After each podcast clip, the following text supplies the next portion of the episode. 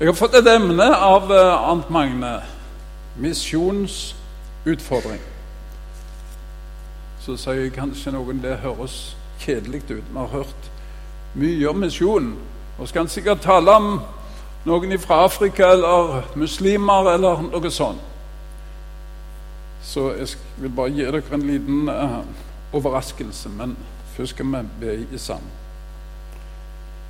Kjære Jesus, takk for at vi skal få lov å være dine medarbeidere. Takk for at nådens dør er åpen for den som ennå ikke har gått inn. Og takk for at du elsker oss. Og du ønsker at vi skal leve vårt liv i nær, din nærhet, slik at du kan få gå ved vår side og lede oss og føre oss gjennom livet, slik at vi en dag havner hjemme hos deg i himmelen, at vi får evig liv.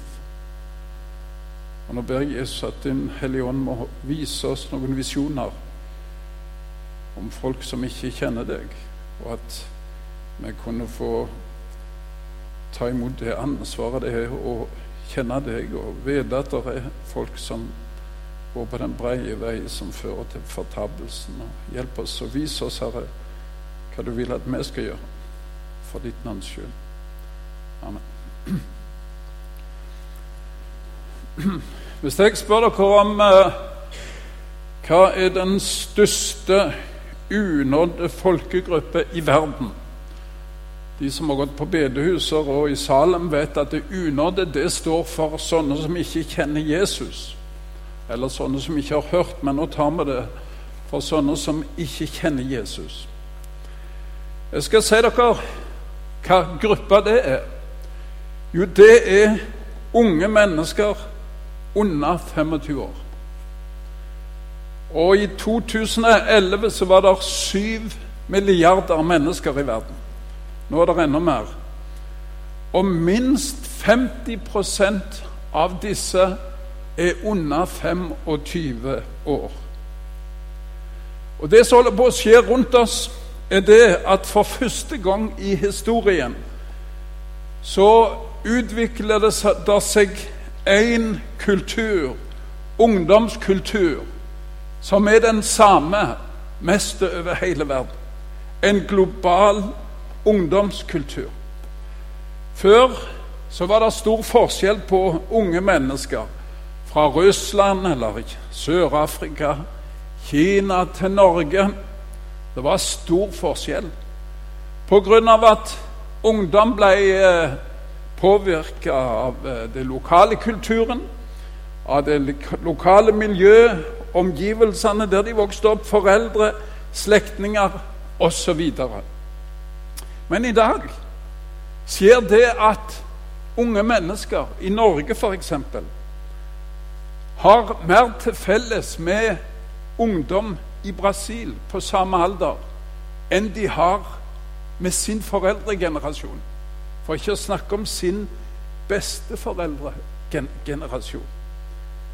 Ungdom i Europa har mye mer til felles med ungdom i Kina, mange plasser, da, i de moderne byene, enn de har med sine foreldre og foreldregenerasjon. Og hva er det i dag som uh, lager kulturen, denne globale ungdomskulturen? Hva er det? Jo, det er sosiale medier. Det er filmer og TV, Internett, musikk, YouTube, Facebook, Twitter. Det er dette som lager kulturen. Den globale ungdomskulturen. Og besteforeldrene de bare hører, og mange foreldre de bare hører disse ordene, og de har ikke peiling så kan de kanskje ikke engang komme seg på nettet. Ja, de begynner å komme seg, men dere kjenner hvordan det er. Så det er noe helt nytt i verdenshistorien at det utvikler seg en kultur i hele verden som har den samme, mer og mindre påvirkning, som kjenner de samme kjendisene, som eh, kjenner fornavnet på de samme filmheltene som digger den samme musikk, bruker samme klær, og som eh, leter etter den mest effektive dietten for å holde linjen i orden. Mat osv. Og, og de dyrker samme kjendisene. Jeg vet ikke om det er ei eller to uker siden. Jeg jo, leser mye aviser fra forskjellige deler av verden. Det var ei borte i Amerika dere kjenner sikkert, jeg tror det var Angelina Jolie, var noe sånt, som fjerna brystene. Og dette var i alle verdens aviser. I Amerika, i Israel, i Afrika. Hun der har fjerna brystene. Alle hadde en mening om det. Det sto rett attmed nyhetene om store slag i Syria der hundrevis er drept osv.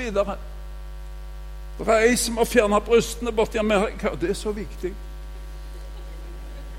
Sånn dannes kulturen i dag, og sånn blir verdien av menneskene målt.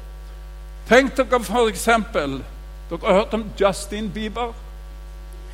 Hørt om han? Tenk hvis han plutselig en dag klipper seg håret og rager seg snøret. Da blir det millioner av småjenter som får nesten hjertetakk. Og tenk hva som har skjedd med han. For det, han er altså omtrent på mange, mange tusener, ja millioner av småjenter, altså ikke bare småjenter, deres lepper. Og disse nyhetene om han, jeg ser de i verdensaviser, de står attmed svære verdensbegivenheter. Det er så viktig. Og For ikke å snakke om hvis det er et ektepar i Hollywood som er kjent på film, skilles. Jo, da er det på Folk leser om dette som om det er det omtrent det viktigste som skjer rundt oss. Det er viktigere enn sultkatastrofer. Det er viktigere enn eh, trussel om atomkrig. For det er et par som så mange kjenner, som skal gå ifra en annen. Det må fram. Dette skaper kultur. Dette skaper fellesskap. Så sitter vi generasjonen og har ikke peiling, noen av oss. Og så er ungdommen opptatt med disse tingene. Så er det det de tenker på. Før, For ti år siden snakket de om at denne kulturen heter amerikansk såpekultur. Så det var snakk om noen som var så avhengig av disse såpeseriene at de kalte dem for soap addicts. Og barn helt ned i tiårsalderen måtte ha psykologisk behandling, for de var blitt soap addicts. I dag er det idolkulturen. Om det er amerikansk eller Ja, dere kjenner det. Det er den som samler unge mennesker. Og mange, sikkert kanskje av dere som er her. Det er det som er viktig. Idolkulturen. Og eh, hva særpreger denne kulturen? Det særpreger bl.a. mange ting. Et ønske om å bli tiljubla og tillæra eller æra og beundra. Det er interessant at i USA ser jeg det er kommet en ny diagnose, og den heter NPD. Narcissistic Personality Disorder. Altså narsissisme. En sykelig opptatthet av seg sjøl. Et oppblåst ego noen er så prega av dette at de må få behandling. Og dette er baksiden av denne kulturen. På norsk heter det kanskje sjøldigging. Opptatt med seg sjøl. Jeg er det viktigste. Jeg er blitt mitt eget idol. Jeg er den viktigste. Min nytelse er den viktigste. Min tilfredsstillelse er den viktigste. Og dette med beundring. Og dette med å bli kjendis, det er som en rus. Å bli tiljubla. Hvordan tror du Bieber kjenner det når han blir tiljubla av tusenvis? Jo, det er en rus. Og så er det problemet med mange av disse, og det som undrer oss over hvorfor er noen av disse som oppnår det som alle strever etter. Eh, berømmelse, velstand og så mange ting som alle lengter etter. Hvorfor er det en del av disse som ender opp og tar selvmord og tar overdose? Jo, sier de som har forska på dette her, at det å bli tiljubla, det er som en rus. Og når stjerner begynner å dale, så forsvinner rusen, ikke sant? For verden, den er nokså eh, Holdt jeg på å si ikke så nådig. Når det er en som blir mer populær, så går vi til han. Og så er det en del av disse da, som kjenner på hvor blir rusen av? Jeg savner denne rusen. Og så må de begynne med narkotika, alkohol, for å få tilbake litt av den rusen. Eller for å beholde den rusen. Dette preger unge mennesker, global kultur, i dag. Jeg vet ikke om dere føler dere trufne. Kanskje vi her er så, i så beskytta miljøer at det, det, det, er de andre det dreier seg om. dette. Og Jeg skal ta litt mer av baksida av den kulturen som er midt iblant oss.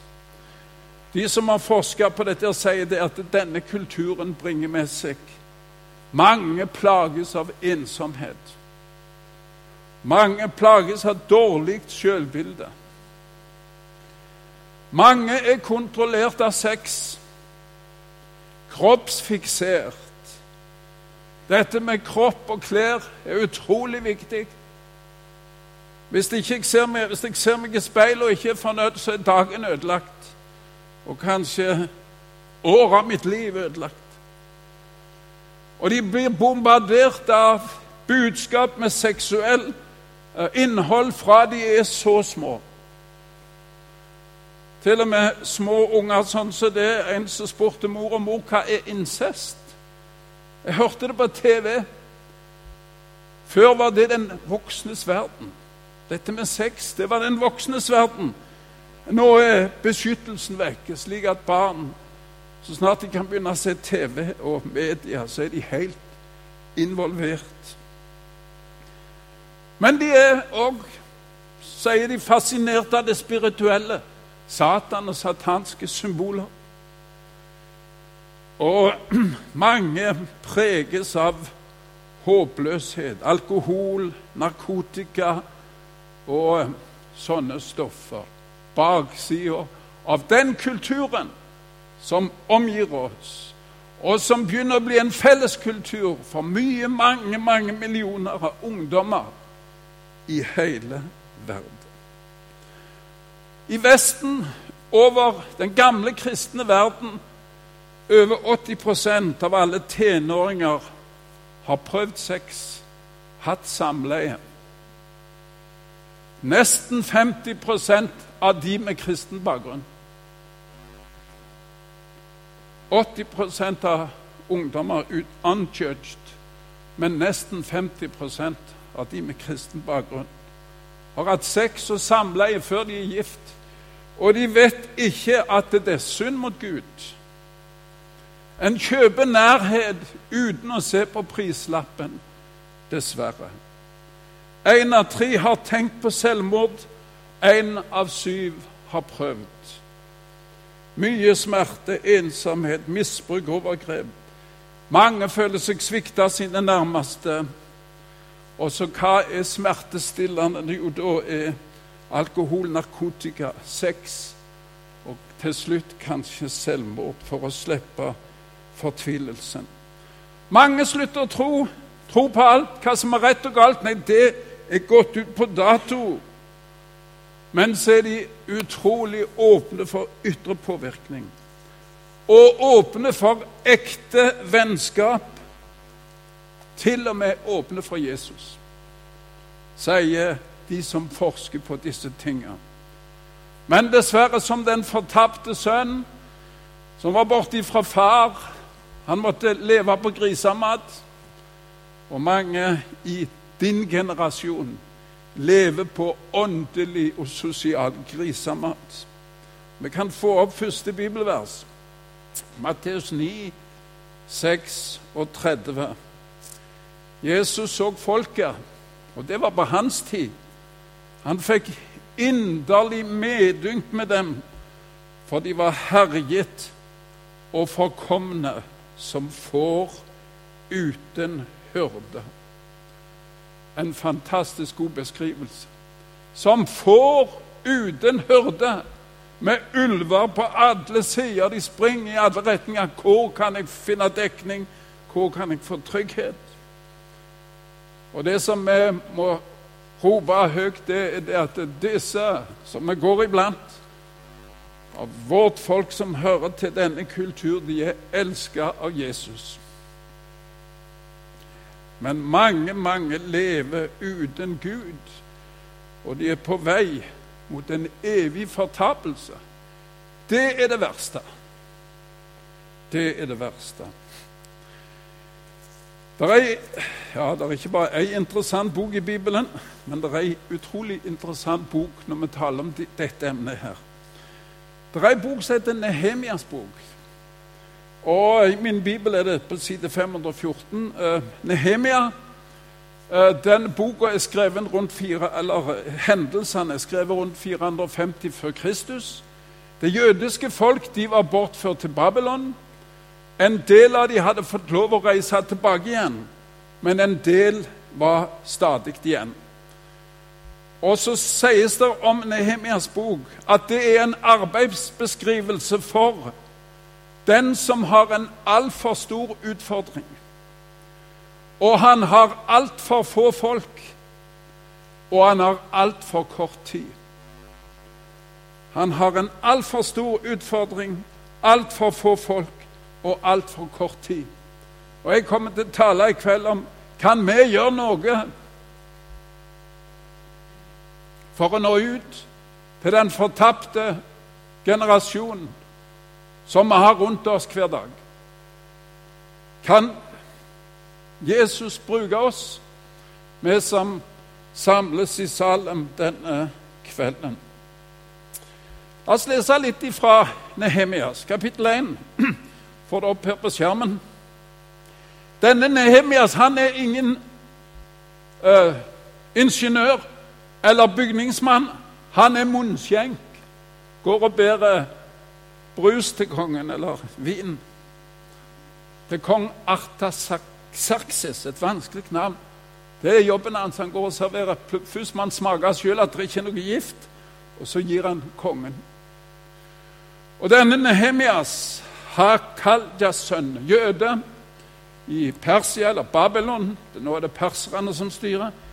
I måneden Kislev i det 20. året, da jeg var i borgen Susan, kom Hanani, en av mine brødre og noen andre menn fra Juda. Hadde broren og noen vært i Israel, i Juda, Jerusalem? Og så er de kommet tilbake. Jeg spurte da om jødene, den rest som var blitt frelst, fra fangenskapet og om Jerusalem, de svarte meg. De som er befridd fra fangenskap og nå bor der i landskapet, er i stor ulykke.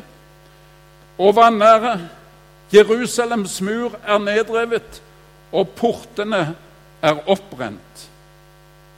Altså total vanære. Beskyttelsen er vekke. De lever i stor nød, mitt folk. Da jeg hørte dette, satte jeg meg ned og gråt og sørget dag etter dag. Jeg fastet og ba for himmelens Guds åsyn, og jeg sa, Å Herre himmelens Gud, du store og forferdelige.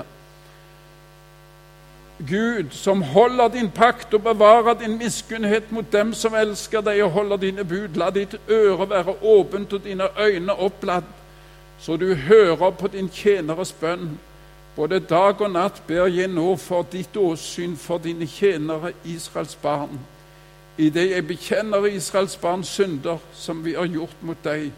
Både jeg og min fars hus har syndet. Han får altså en rapport, som dere har fått en bitte liten rapport i dag om mange mennesker som bor iblant. Eller får du, får du um, kall til å reise til Afrika, så vil du møte den samme kultur blant ungdom der.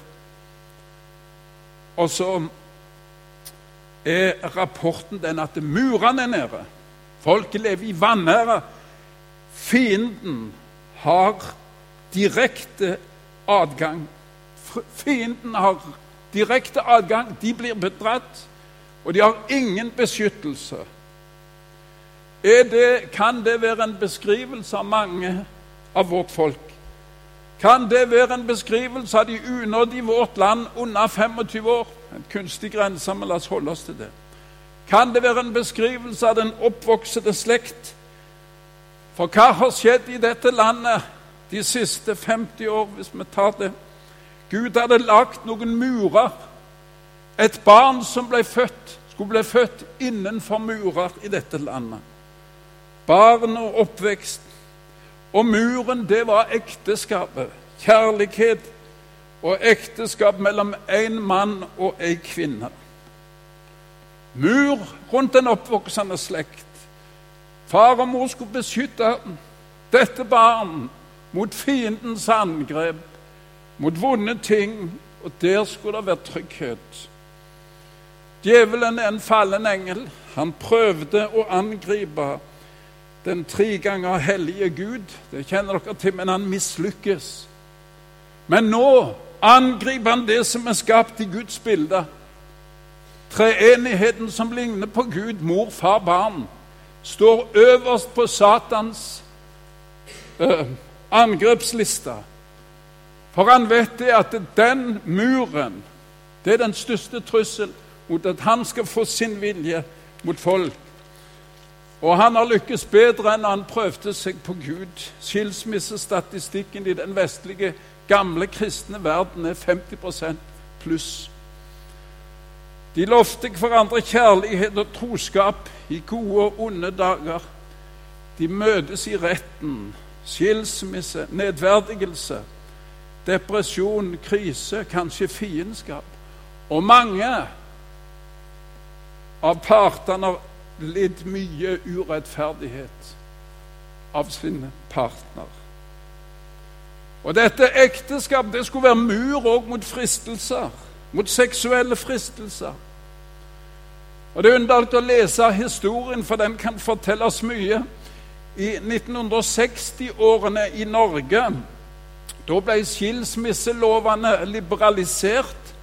Og Hvis en da leser, ser statistikken fra det året, så ser en at skilsmissestatistikken og sosialbudsjettet i Norge går opp til værs med samme kurve.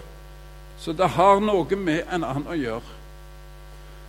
Og mange av dagens unge mennesker vokser opp med halve muren nede.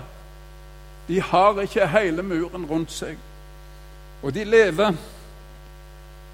i vanære, akkurat som jødene i Jerusalem. Så vet en det at blant ungdom så er det sorg og fortvilelse og ensomhet som døyves med alkohol, narkotika og sex. Gå på byen i kveld. Du vil få det bekrefta. Du vil få det bekrefta til langt på natt. Jeg har kjørt sånn eh, taxibuss på byen for ikke så veldig lenge siden, til langt på natt. Jeg vil si så mange som går rundt der i vannet. Det er sagt at sex blant tenåringer har i grunnen lite med biologi å gjøre, men det har med å kjøpe seg nærhet, aksept, men uten å tenke på prislappen, uten å regne med prisen. Og mange, som jeg sa, vet ikke at det som sex gjør med kroppen, er én ting, og sinnet, men det gjør noe med forholdet til Gud. For det går ikke an å leve i den synd og leve i forhold, sant forhold til Gud. Det har Bibelen veldig klart vist oss.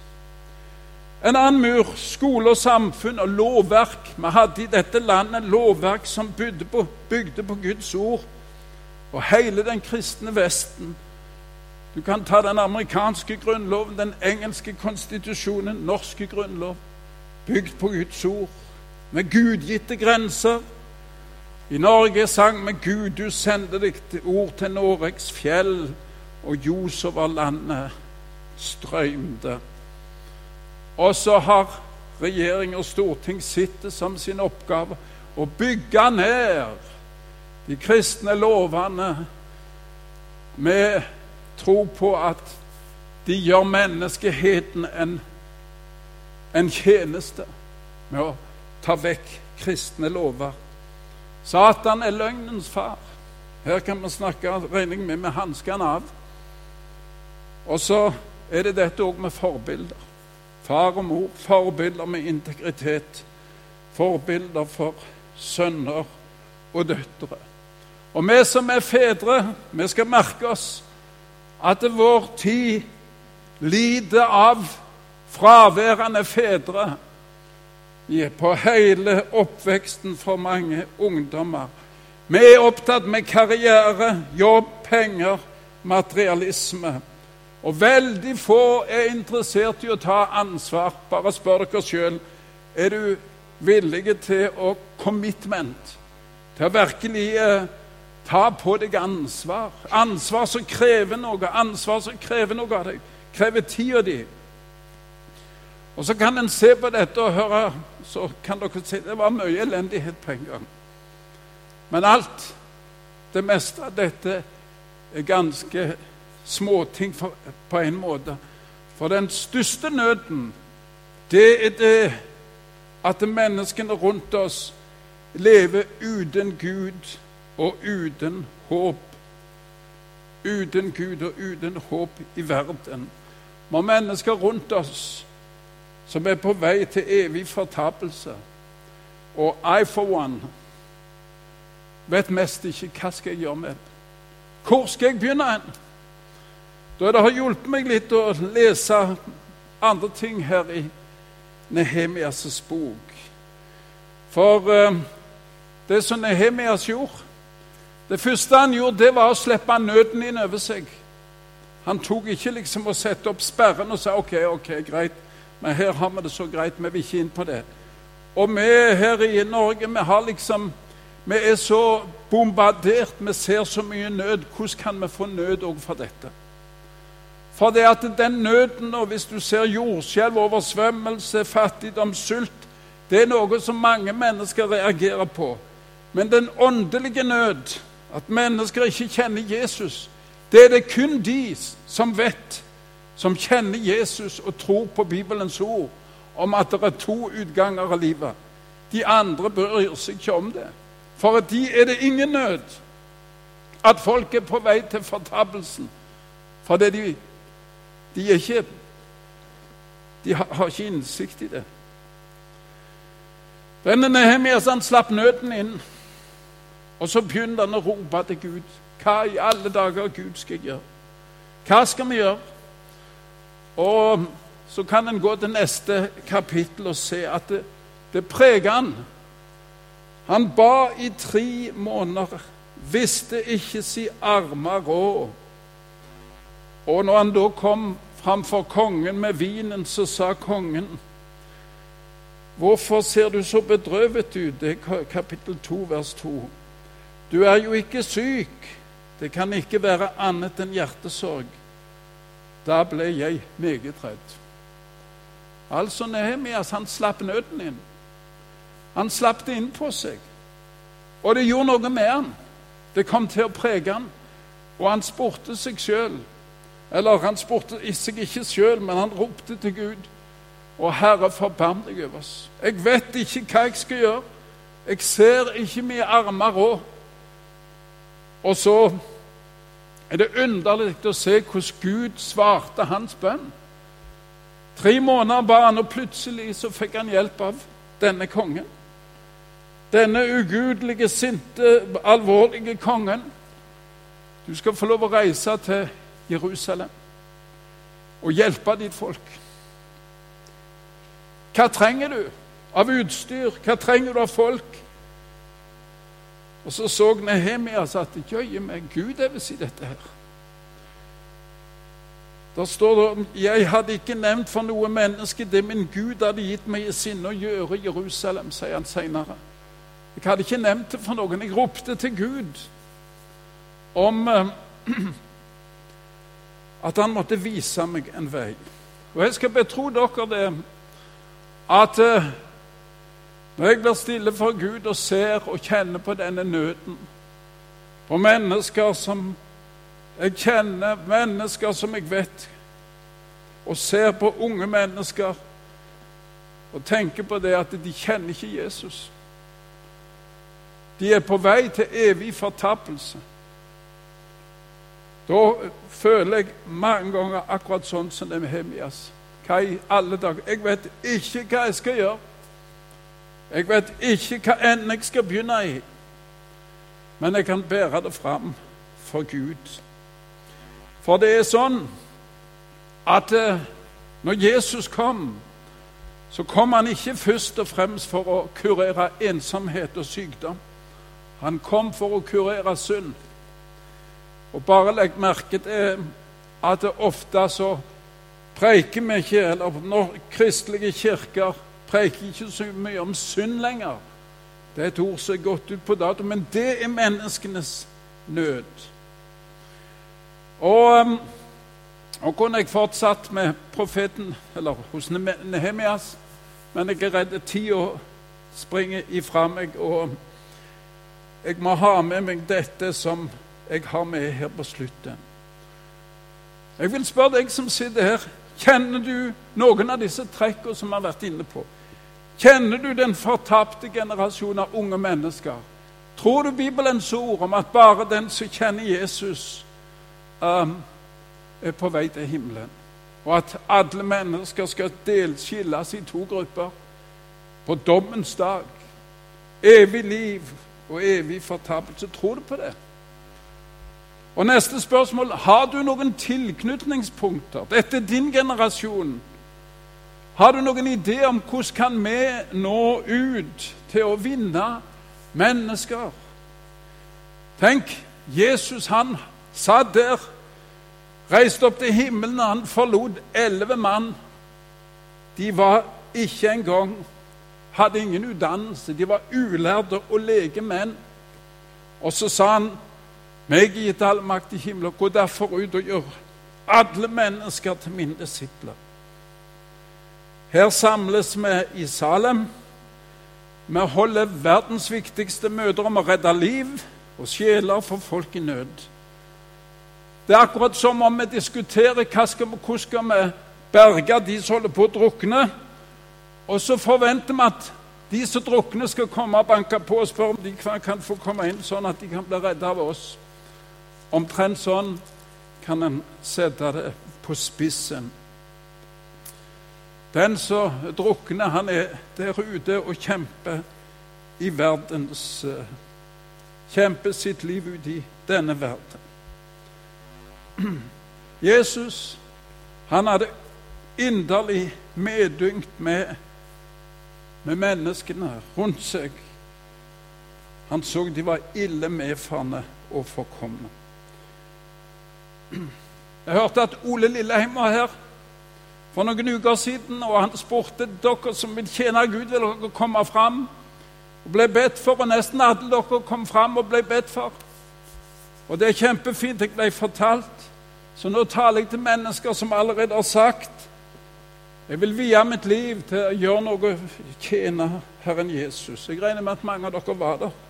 Dere trenger ikke gjøre det om igjen. Vi skal ikke ha en ny seanse.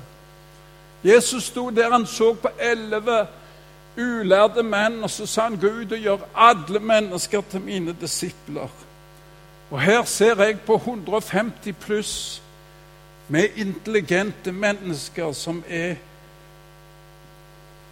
prioritert på så mange måter. Som eh, er velutdanna. Mange har god inntekt, mange av dere er skikkelig dyktige. Ressurser. Og det beste av alt dere elsker Jesus og dere vil tjene av han, tjene han. Når Paulus skulle vinne menneskene der han reiste rundt, så møtte han opp der som menneskene samles. Og det var ofte på markedsplassen, der de samles og delte nyheter, utveksla nyheter og hadde gossip. Der reiste han seg opp og talte til dem. Og um, hvis vi prøver å overføre det Hvor er det disse mennesker som vi taler om her i kveld? Unge mennesker, kunstig alder, men la oss si det, under 25 år. Hvor er det de samles? Hvor er det vi kan møte dem og si dem et ord om Jesus? Hvor er det vi kan vinne dem? Er det gjennom sosiale medier? Jeg sjøl har sittet på Madla i en kontorcontainer og lagt prekener og prekt til hele Tanzanias befolkning i flere år. Til millioner av mennesker. Jeg satt der og gikk inn i byen og gjorde opptak og sendte teipen til Tanzania. Med en innbydelse fra Jesus. Og vi fikk brev fra hele Tanzania. Og nå vet dere, du som sitter med din datamaskin, med Facebook, med Twitter, blogs eller hva whatever det heter i disse dager Møter du unge mennesker? Er det, er det det som er markedsplassen? Så jeg eh, har bare lyst til å gi dere en utfordring, du som har sagt du vil tjene Jesus. Jeg personlig kjenner det at jeg vet ikke om jeg er mer. Men kan du bruke dine ressurser, din kunnskap, til å møte unge mennesker? Kanskje i sosiale medier. Trenger det organiseres, så kanskje vi kan legge til rette, meg og Arne Magnus osv.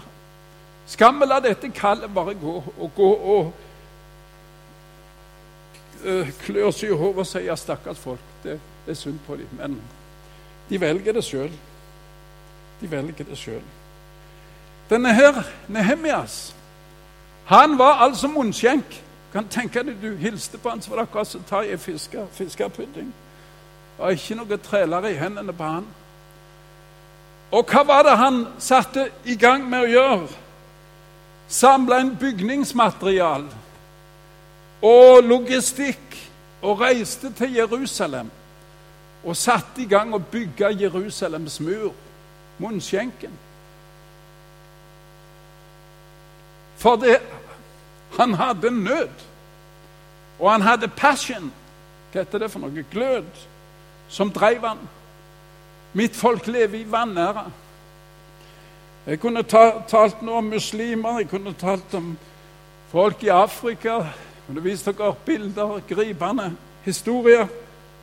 Men i kveld kjente jeg at eh, vi må ikke gå så langt. Og jeg vil utfordre dere Trenger det organiseres, så gjør det.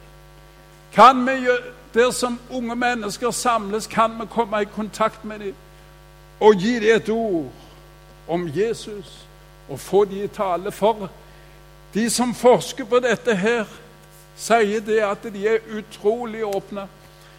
Ikke for kristne kirker og alt det der, den kristne kulturen, men utrolig åpne for Jesus for Jesus. De trenger ikke svelge hele den kristne kulturen, men de trenger Jesus. Så skal jeg avslutte med et ord fra 2. Korinterbrev, kapittel 5 og vers 15. Paulus skriver om Kristi kjærlighet som tvinger oss. For Kristi kjærlighet tvinger oss Idet vi har oppgjort dette med oss selv, at en er død for alle, derfor har de alle dødd. Det står i vers 14, og så står det i vers 15. Og han døde for alle, for at de som lever, ikke lenger skal leve for seg selv. Det det motsatte av narsissisme. Hvis du tar dette ord til deg og, og, og, og, sier 'jeg vil leve for deg, Jesus', så kommer du aldri til, til å få den der NPD-diagnosen narsissistisk personality disorder. Det er mye bedre diagnose, dette. Han lever ikke lenger selv, men for dem som døde. Og han se. Og han døde for alle, for at de som lever, ikke lenger skal leve for seg selv, men for ham som døde og oppsto for dem. I en gammel sang i de blå sangbøkene der står det 'Kjærlighet oppfinnsom gjør'. Gud vil åpne meg en dør. Det er ikke alltid alle kvalifikasjonene som trengs, men det er et møte med Jesus. Og det er at Jesus får dele med oss den nød som han har, og blant de som vi går iblant. Så du trenger ikke tenke på når jeg gjør kollekt i kveld, så kan de som misjonær kan reise til Somalia, og så kan jeg gjøre det som jeg har lyst til. Nei, det er ikke sånn det fungerer. Jesus vil bruke meg og deg. Og jeg vil utfordre dere med så mye godt ved og så mye kunnskap. Er det noen måte, og kan dere utfordre oss i Salem, er det noen måte vi kan nå ut til denne generasjonen? For dere vet bedre enn meg at når det gjelder disse ting, så er det ikke begrensa bare til Norge og Stavanger. Det er globale medier som Herren vil vi skal bruke i Hans tjeneste. Amen.